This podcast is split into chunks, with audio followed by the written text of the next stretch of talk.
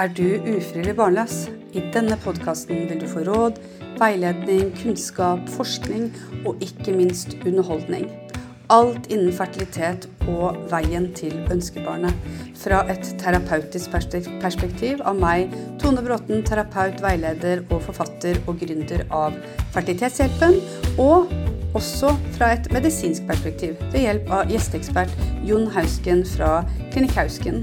Og ikke minst blir det episoder med høyaktuelle gjester. Velkommen til din nye podkast å lytte til. Ja, da skal vi ha en episode om eggdonasjon. Eh, lurer du på hvilke retningslinjer vi har og rammer vi har å jobbe etter når det gjelder eggdonasjon i Norge, da bør du lytte til akkurat denne episoden. Hei, Jon. Er du klar for å spille inn en eh, episode om eggdonasjon? Absolutt. Jeg elsker eggdonasjon. Du elsker eggdonasjon. Du er en forkjemper for eggdonasjon før det ble tillatt? Absolutt. Vi har hatt par eh, som eh, ikke direkte sendt til utlandet, men på en måte vi har jo visst om at eggdonasjon eh, foregår. Og for veldig mange av våre par som ikke lykkes med egne gameter, som betyr altså egg eller spermier, så, så kan donasjon være et, et godt alternativ. Jeg hadde faktisk tre caser i dag som, eh, som omfatta eggdonasjon, som gjør at i hvert fall jeg som terapeut må være ganske sikker på hvilke retningslinjer som, som gjelder i Norge. Eh, det ene var et eh, par hvor hun var 47, hadde blitt 47, hadde vært gjennom IVF-forsøk, men også eggdonasjon men da hadde blitt for gammel eh, for å kunne fortsette med eggdonasjon i Norge. Og det er jo en av de retningslinjene vi eh, forholder oss til her. Ja, det er riktig det. fordi at eh, hvem er det som trenger eggdonasjon? Da kan det jo selvfølgelig være kvinner som av en eller annen grunn har eh, på en måte brukt opp eggene sine altfor tidlig. Eh, de syns jo spesielt synd på. Eh, og så kan det jo være kirurgi, eller de har hatt kanskje kreft eller hatt behandling som gjør at de ikke har egg, og da trenger de eggdonasjon for å bli gravide selv. Eh, men de fleste er jo i voksen alder, og det er jo ofte når en bikker 42-43 at en kanskje må ty til andre sine egg. Mm. Og så hadde jeg altså fra 46 år da, og så ned til en annen case eh, i dag hvor det var et par hvor hun var bare 31. Eh, og gjort eh, åtte forsøk. Og det viser seg det at ok, vi vil anbefale å gå for eggdonasjon som neste alternativ. Og, og det må jeg jo innrømme at liksom, å sitte der med hun på 31 som skal gi slipp på, eh, på eggene, det, det er en ganske utfordrende samtale.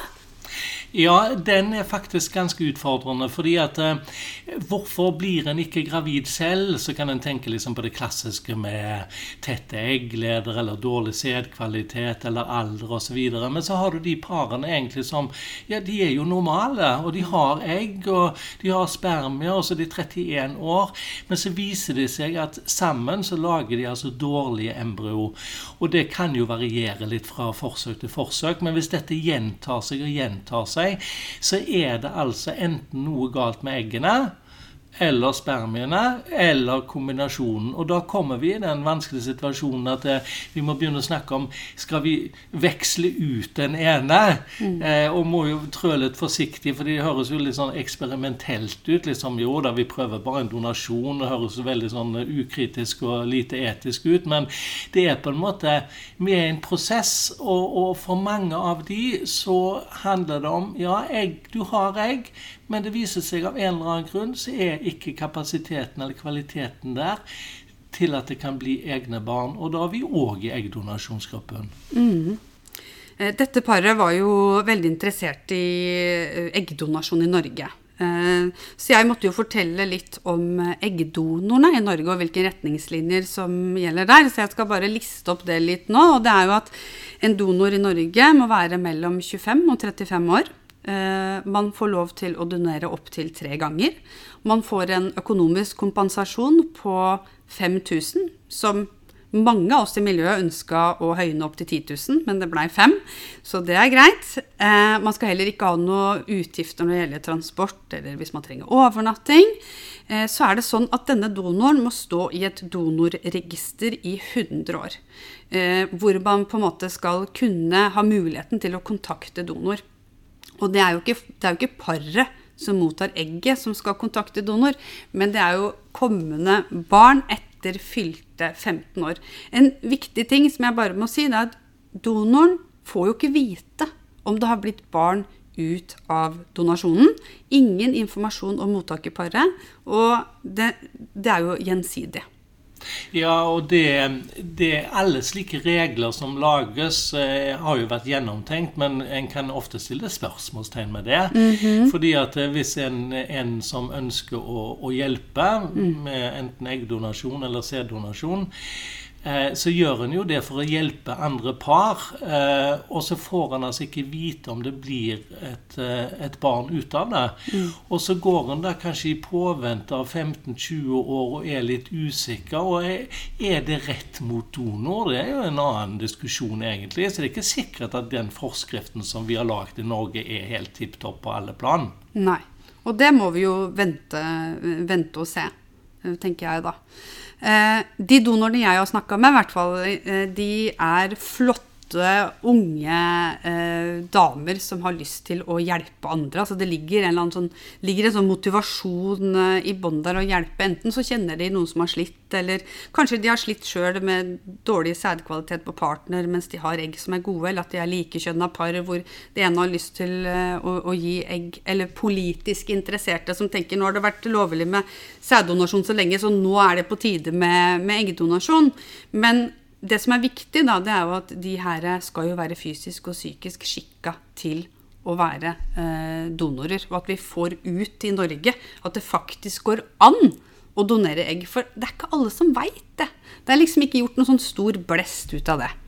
Nei, og det er klart at eh, det ser vi jo på, på tilfanget. fordi at med en gang eh, dette er oppe i media, så er det plutselig noen som ringer med en gang. fordi at det, de fleste i samfunnet går jo ikke liksom rundt og tenker på ok, nå skal jeg liksom være eggdonor eller sæddonor eller organdonor. sant? Det, hver gang det er oppe tema, så tenker jeg søren, jeg skulle jo signa meg opp for å være sånn organdonator. Mm. fordi at hvis noe skjer med meg, så kan jo andre få bruke mine organer. sånn. Men de fleste av oss gjør det ikke likevel, fordi at eh, i nesten hus har vi glemt det ut. Mm. Når det gjelder mottakerparet, da, så er det jo viktig eh, veldig at eh, det blir en matching i forhold til utseendet. Og ut ifra hvordan jeg har tolka det her, så er det jo legen som har ansvaret for at eh, donor skal matche utseendet til mottaker ved høyde, vekt, etnisitet, eh, hårfarge og øyefarge. Stemmer det, Jon? Ja, det stemmer. Og det er jo òg på en måte egentlig en sånn gammel eh, hevd på en måte når det gjelder sæddonasjon. og Det brukes for så vidt òg ute i Europa og resten av verden. Men eh, hvorfor må det egentlig være en sånn veldig god match? Eh, det kan en jo spørre seg om, egentlig. Så liksom, Er det òg en eh, forskrift som kunne ha vært eh, diskutert? Mm. Men i alle fall så er det sånn at uh, fra gammelt av så er det tenkt sånn at ok, det var litt sånn hysj-hysj med hele donasjonsgreien, så da måtte iallfall den donoren ligne på den som, som liksom bytter ut sine gameter. Så hvis det er da en kvinne som trenger eggdonasjon, så skal liksom denne donoren ligne på henne. Mm. Og det var Det er egentlig fra gammelt av liksom at det ikke skulle så kommer plutselig et barn som så helt annerledes ut, og så ville nabokjerringene begynne å snakke, osv., osv. Men i et moderne samfunn så vet jeg ikke om den er egentlig så viktig. Men forskriften sier det, og da må vi forholde oss til det. Og så har vi jo hatt caser, faktisk eh, Jeg har hatt caser hvor eh, mottakerparet sier at det at det ligner så mye, er ikke så viktig for oss. Men samtidig så har vi jo den eh, retnings... Altså noe vi skal forholde oss til, da, det her å matche, eh, matche utseendet. Jeg hadde jo en, en, en, skal vi si case. Eh, mm. En, en, kvinne, singel kvinne som, eh, som, ønsket barn. Og det er jo lov, og det gjør vi jo masse av. Og hun ønsket da en donor, og så snakket vi litt om det. Og, så, og da kan det jo komme nesten med litt ønsker, da. fordi at denne skal jo ikke matche en partner, for hun er jo singel.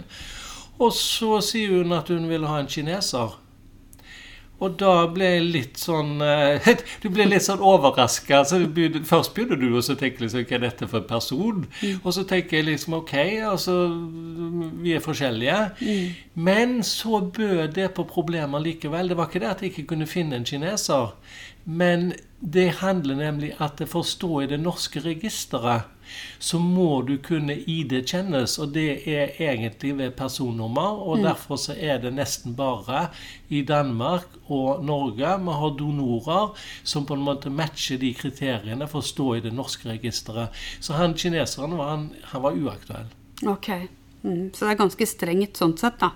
Ja, nettopp pga. registeret. Og mm. fordi at Helsedirektoratet kjører en ganske fast linje på at eh, barnet skal ha en rettighet til å kunne mm. finne donor. Mm. Eh, og den rettigheten, da må det være, det må være 100 sikkert. Og da mm. godtar de kun eh, et personnummer. Mm. Eh, nå er Det sånn, altså det siste paret som jeg hadde i dag, det, de hadde jo da vært gjennom eh, en del forsøk. Og så hadde de tatt en pause på ett år før de på en måte bestemte veien videre. Og jeg jobber masse med den overgangen fra egen egg til eggdonasjon, som kan være ganske tøff Eh, for mange. Og for, eh, for, de fleste så er det vanskelig å åpne døra til donasjon hvis ikke den genetiske døra er lukket. Og det har vi snakka om i andre episoder òg, Jon. Det her med å, å gi slipp, da. Eh, men det som er viktig, tenker jeg, det er å vite at når man går fra IVF til donasjon, så går man liksom over til noe nytt. Både i forhold til suksessrate, men også i forhold til følelser og etikk. Det er, viktig å på en måte bearbeide Eh, tanker og følelser her som dukker opp når man skal gå over til eggdonasjon. Og en viktig del av det, det er jo akkurat denne retningslinjen som vi er pålagt å gi til parene. Det her med at barnet skal ha mulighet til å kontakte donor etter fylte 15 år. Og jeg må være enig i at jeg skvatt litt når det sto 15 år. Fordi jeg var vant til å forholde meg til liksom 18, at det var veldig vanlig internasjonalt. Eh, og så blei det eh, plutselig 15 år. Eh, hva tenker du om det, Jon? Jeg tenker at det er bra. Fordi at eh, dette med, med donasjon Altså det, det, er så mye fint med donasjon, og det kan vi eventuelt komme tilbake til hvis vi får tid til det i dag. Men mm. ok, dette barnet da, som eh, da får vite av sine foreldre mm. Og der er jo du veldig flink på en måte å forklare hvordan de skal fortelle dette. Ja. Til og med skrive barnebok om det. Det har du òg. Mm. Men ok, det, det, vekkes jo en, eh, ikke en Ja, altså du blir jo nysgjerrig. Mm. Eh, kanskje ikke når du er to-fire år. Eh, og, og, mamma og pappa er jo mamma og pappa, det er jo det som er det herlige. Men den nysgjerrigheten, den tiltar med årene etter hvert som du vokser opp og på en måte kan reflektere over livet ditt. Og det er klart at når du er 12-13, så er du jo begynt å reflektere veldig over det. Mm. Og jeg tenker i min egen situasjon, hvis jeg visste da at eh, nei, det var en sæddonor der, og det var ikke pappa, men jeg er glad i pappa. men så hadde jeg jo lurt på det. Så hvorfor skal en da mm. fra allerede 12-13-14 år gå rundt og lure og vente til du blir 18? Mm. Og så kan du på den andre siden er du egentlig voksen nok til å ta det skrittet og på en måte møte vedkommende og på en mm. måte balansere et sånt forhold. Mm. Eh, men jeg tenker 15 er helt ok. Mm. Det som jeg tror er viktig, og som jeg opplever at mottakerparet er opptatt av, da, det er jo det at eh, det kommende barnet har retten til å få kjennskap til hvem donor er. Men det betyr ikke at barnet har rett til å få en relasjon til donor. Det er litt viktig. Altså donor, Når vi får inn donorer, så går ikke de inn i en avtale hvor de skal ha en relasjon til dette barnet eh, om 15 år. Det er det, det er det ikke mange av de donorene jeg snakker om som er interessert i. Nei, og, og, det er litt viktig å formidle til barna. Mm. Fordi at det kan bli en veldig skuffelse. Mm. Eh, altså Det har skapt en nysgjerrighet, og du har en rettighet. Sant? Og liksom, det blir jo nesten så mm. Noe stort som skal skje i livet, og så tar du kontakt, og så får du kanskje en avvisende skulder, på en måte. Jo, mm. vi kan møtes, men nå skal du høre og det kan bli et nytt sjokk, eller kanskje enda større sjokk. Så det er litt viktig at foreldrene på en måte informerer at ja, vi har fått hjelp, og det skal vi være veldig glad for. Denne personen som gjør det, viser jo bare et stort menneskesinn. Men han har ikke garantert, eller hun har ikke garantert noen videre oppfølging, for de har kanskje egne familier, familier mm. osv. Så, videre. så det tror jeg er en veldig viktig info til barna. Mm. Jeg er jo opptatt av at det skal bygges opp så lite forventninger som mulig til donor når det gjelder formidling til barna. At det er på en måte eh, Man sier til barna at det er legen og sykehuset eller klinikken som har hjelpa mamma og pappa som hadde litt dårlige egg, eller mamma da, som hadde dårlige egg, som så man måtte få hjelp av legen. Som er ganske logisk for et barn mellom fem og åtte år, som er også den anbefalte alder å fortelle det, fortelle det i. da. Um, og jeg tror det her å, å, si at ja, men du vet hva, mamma og pappa måtte ha hjelp fra legen, men det var en dame som ga egg til legen, og du kan få vite hvem det her er eh, etter fylte 15 år. Men det her å stå støtt i det her med at vi er så stolt av det vi har gjort, at det, er, at det er vi som foreldre som er bakgrunnen for din eksistens. Altså Her er det en, en mor som har eh, påvirka embryoet, bestemt hvilke gener som skal aktiveres senere, og få den pranatale tilknytninga til barnet i magen, har født barnet. Og i Norge er det jo enkelt. Føder du barnet, så er det ditt. Det er jo ingen skjema eller noe som du må skrive under på at dette er av donasjon. Og noen par er sånn OK, jeg vil at det her skal være mitt barns historie. Jeg vil fortelle barnet når det er stort nok, og så skal jeg fortelle andre. Mens andre er sånn, vet du hva, eh, jeg vil fortelle alle rundt. Jeg trenger støtte og forståelse i situasjonen min, og så fortelle barnet. Så jeg opplever veldig sånn eh, sprik der. Fordi IVF er noe som vi kan snakke mye om, men med en gang det går over til eggdonasjon, så kan det være litt mer sånn ikke skambelagt heller, men at det er litt vanskeligere å dele fordi man er redd for eh, bl.a. reaksjonene. ikke sant? Og det man er redd for sjøl eh, når man starter prosessen, bare vil jeg knytte meg til barnet? Hvordan vil jeg på en måte ta det når noen sier 'å, det ligner på deg', hva skal jeg si? Jeg hadde en dame denne uka her, hun hadde lyst til å fortelle til ansatte på jobben, eh, og ante ikke hvordan hun skulle si det. Hadde tatt dobbeldonasjon i utlandet, ikke sant. Og ikke hadde egne egg og ikke hadde egen sperm. Eh, hva skal jeg si til de på jobben? Men landa på det, vet du hva. Jeg sier at eh, jeg har hatt one night stand. Det er bedre for meg. Eller jeg har fått et barn, men eh, det er privat. Hvordan? Mens var åpen mot de nærmeste, da. Så det er veldig interessant hvordan folk velger. Ja, altså, og, og, hva som er rett, det er Det, det ikke fasit. Nei, det er ikke noe fasit på det. Nei. fordi at mange lurer liksom på hvordan skal vi gjøre dette. Mm. Vet du hva? Dere finner deres måte, og den mm. måten dere finner på, mm. det er rett for dere. Det er ikke helsemyndighetene, det er ikke doktor Hausken eller Tone som skal fortelle nei, nei. hva som er nei, rett. Og det er litt viktig å være litt åpen på det. Men jeg hadde bare lyst til å kommentere det fine som du sa om at uh, dette barnet hadde ikke blitt til mm. uten de foreldrene som har vært med og skapt det. Og da mm. tenker jeg altså hun som fører svangerskapet. Og mannen, som ofte da i denne settingen med eggdonasjon, så er det kanskje med partneren som, som, som stiller med sine spermier. Så det, det, er liksom det genetiske er jo en del av familien. Og så er det dette altså Et svangerskap er så mye mer enn bare de ni månedene med, med litt morgenkvalme osv. Men altså, tenk oss å ha noe som spirer inni kroppen din. der. Mm. Tenk oss å gå og kjenne på det. Og så er det mm. som du sier, ja, du har en påvirkning mm. på hvordan det genetiske materiellet spiller sammen. Mm. Og så er det på en måte Når du da før barna, som òg må være en fantastisk opplevelse det kan kanskje òg være litt tøft, men det tar vi Har ikke du jobba på føden? Jo da. Så du bare, veit jo noe om dette her, du? Bare de tøffe settingene. Men ok.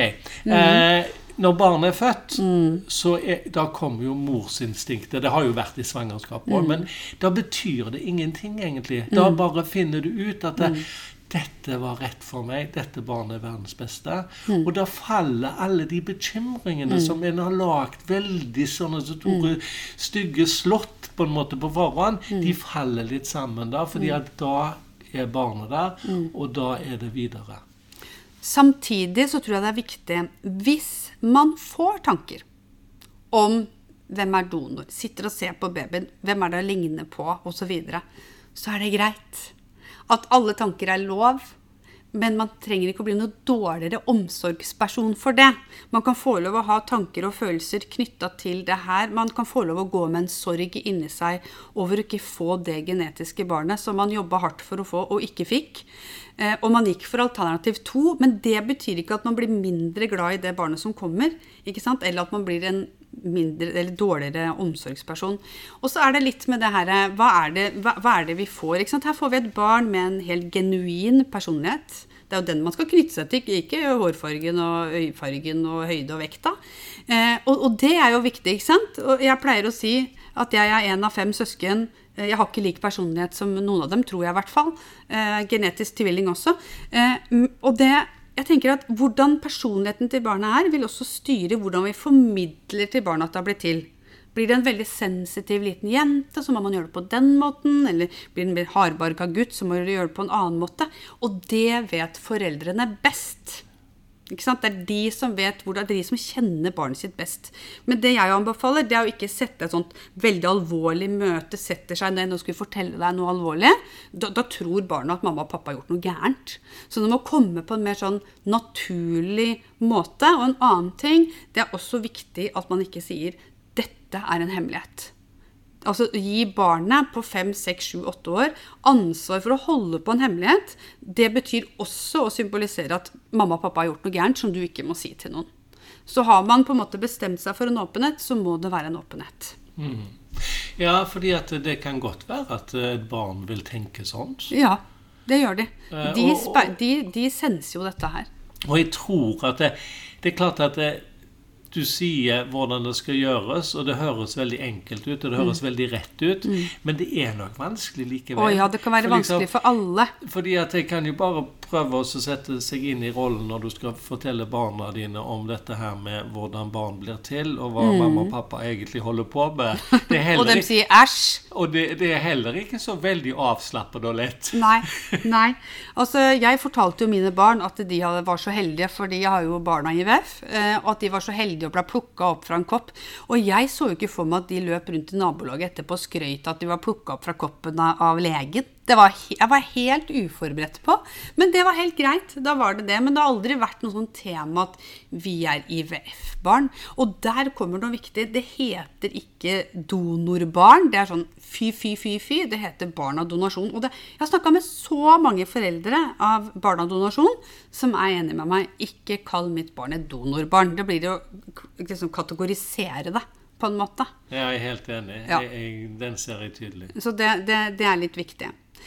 Har vi fått med oss alle elementene Norge og eggdonasjon ja. nå, føler du, Jon? Er, er, det, tenk, mer vi, er det noe vi har glemt? Jeg tenkte litt på altså, hvor er vi i tilbudet. Ja. Eh, da tenker jeg ikke på egen klinikk, men jeg tenker litt generelt, generelt i Norge. Ja. Mm. Fordi at eh, vi i Norge har vært litt opptatt av at uh, dette kommer til å bli vanskelig. Jeg vet. Og, og, grunnen til det er fordi at vi har jo hatt dette med sæddonasjon lenge i Norge. Og mm. vi har aldri helt fått liksom dreisen på det. Mm. Jeg tror ikke vi har vært flinke nok å være ute og, og, drive skal vi se, eh, folkeopplysning. Ja. Du kan kalle det en slags reklame òg, selv om det er jo veldig tabu å bruke her ja. i denne sammenheng. Ja. For det vil jo ikke Helsedirektoratet ha noe av, selvfølgelig. Men allikevel i utlandet får de det til. Mm. Og vi er jo ikke så forskjellige. Så Nei. vi har nok vært litt negative. Men hvor står vi i dag? Jo, altså det kommer donorer. Eh, flere klinikker har et godt tilbud. Mm. Men vi er ikke der at vi kan tilby donasjon til alle par som måtte ønske det. Det volumet har vi ennå ikke klart å skape i Norge. Nei. Vil vi noen gang komme der? Ja, det er i alle fall et mål. Mm. Og vi to står i alle fall på. Det er ja. ikke noe uh, å si på. Men uh, så er det et godt tilbud òg i utlandet. I mm. Skandinavia eller mm. andre land. Sånn at en bør ikke la seg stoppe av det. Og hos noen da så går toget. Mm. Og, og, og, da tror jeg ikke du skal sitte hjemme og vente på liksom plutselig skal det skje. Mm. I alle fall så er det viktig å snakke med de som driver med eggdonasjon, og høre litt om hva, hva kan en forvente av litt ventetider osv. Altså, jeg har jo veldig mange veiledningssamtaler med par som øh, vil dra til utlandet. Og det er jo mange grunner til det, men øh, det kan være at de er single. eh, at de må ha dobbeltdonasjon eller embryodonasjon, som ikke er lov her. Det er jo en viktig å ta med. Eh, det kan være at de er over 46 år, altså de er for gamle til å gjøre det her og vil heller til et land altså Man har jo opptil 50 i noen land. Og så er det noe med det her åpen, anonym donor også. Prismessig så ligger det så, så sant ganske likt Eh, hvor man drar hen. Men det som er stor forskjell, det er valg av donor. I noen land kan du gå inn på database og velge donor sjøl. I andre land er det anonym. Uh, andre land igjen så kan du få vite grann, men ikke mye. Altså Det er veldig stor forskjell. Og også garantipakker, som er forskjella. I Norge, i hvert fall på noen av klinikkene, så er det sånn at man blir garantert i hvert fall én god blastocyst når man, når man betaler for et uh, eggdonasjonsbesøk. Sånn at vi har klart å på en måte få noe garanti inn her også. Og det tror jeg er veldig viktig, for mange har vært gjennom masse IVF-forsøk og brukt veldig mye penger og liksom savner noe garanti for å bli foreldre. Eh, men også huske på at suksessraten blir så mye høyere at det også er en motivasjonsfaktor i seg sjøl, tenker jeg da. Ja, nei, altså Det er klart at uh, dette koster mye penger. Mm. Uh, fordi at det er mange som er involvert i prosessen. Så det blir, det blir dyre forsøk. Mm. Men så det du sier, det er dyrt i utlandet òg. Og det er nettopp fordi at dette, mm. dette koster penger. Mm. Og da er det paret som må dekke det. Mm. Og, og, heller ikke her er det noe garanti. Men det som på en måte er mye bedre med la oss si, eggdonasjon og suksessrater, da, er jo at uh, dette er jo til dels yngre kvinner som ofte har vist at de er fertile. Så det er jo en bedre gruppe enn de mm. som på en måte kanskje møter et infertilitetsproblem. Mm. Så derfor så er resultatene bedre på eggdonasjon. Jeg jobba jo med eggdonasjon i tre år eh, på en klinikk i Russland før, jeg, før, det ble lovlig her. Og jeg husker så godt at eh, når de prøvde liksom, de siste forsøkene med egne egg, så sa vi alltid ja, hvis hun blir gravid. Men når det gikk over til eggdonasjon, så bare gjorde vi om, så sa vi alltid når hun blir gravid. Fordi sjansen ble så mye større. Mm. Jeg lurer på om vi skal avslutte med det, Jon? Jeg tenker det. Nå har vi fått en fin innføring i eggdonasjon. Det har vi. Og hvis man ønsker mer informasjon om, eller veiledning i forhold til overgangen egenegg til eggdonasjon, hvordan formidle til barnet, eh, eller eh, om man er medisinsk skikka til å gå gjennom en eggdonasjon, så kan dere kontakte enten fertilitetshjelpen.no eller klinikkhausken.no. Da takker vi for oss. Takk for oss.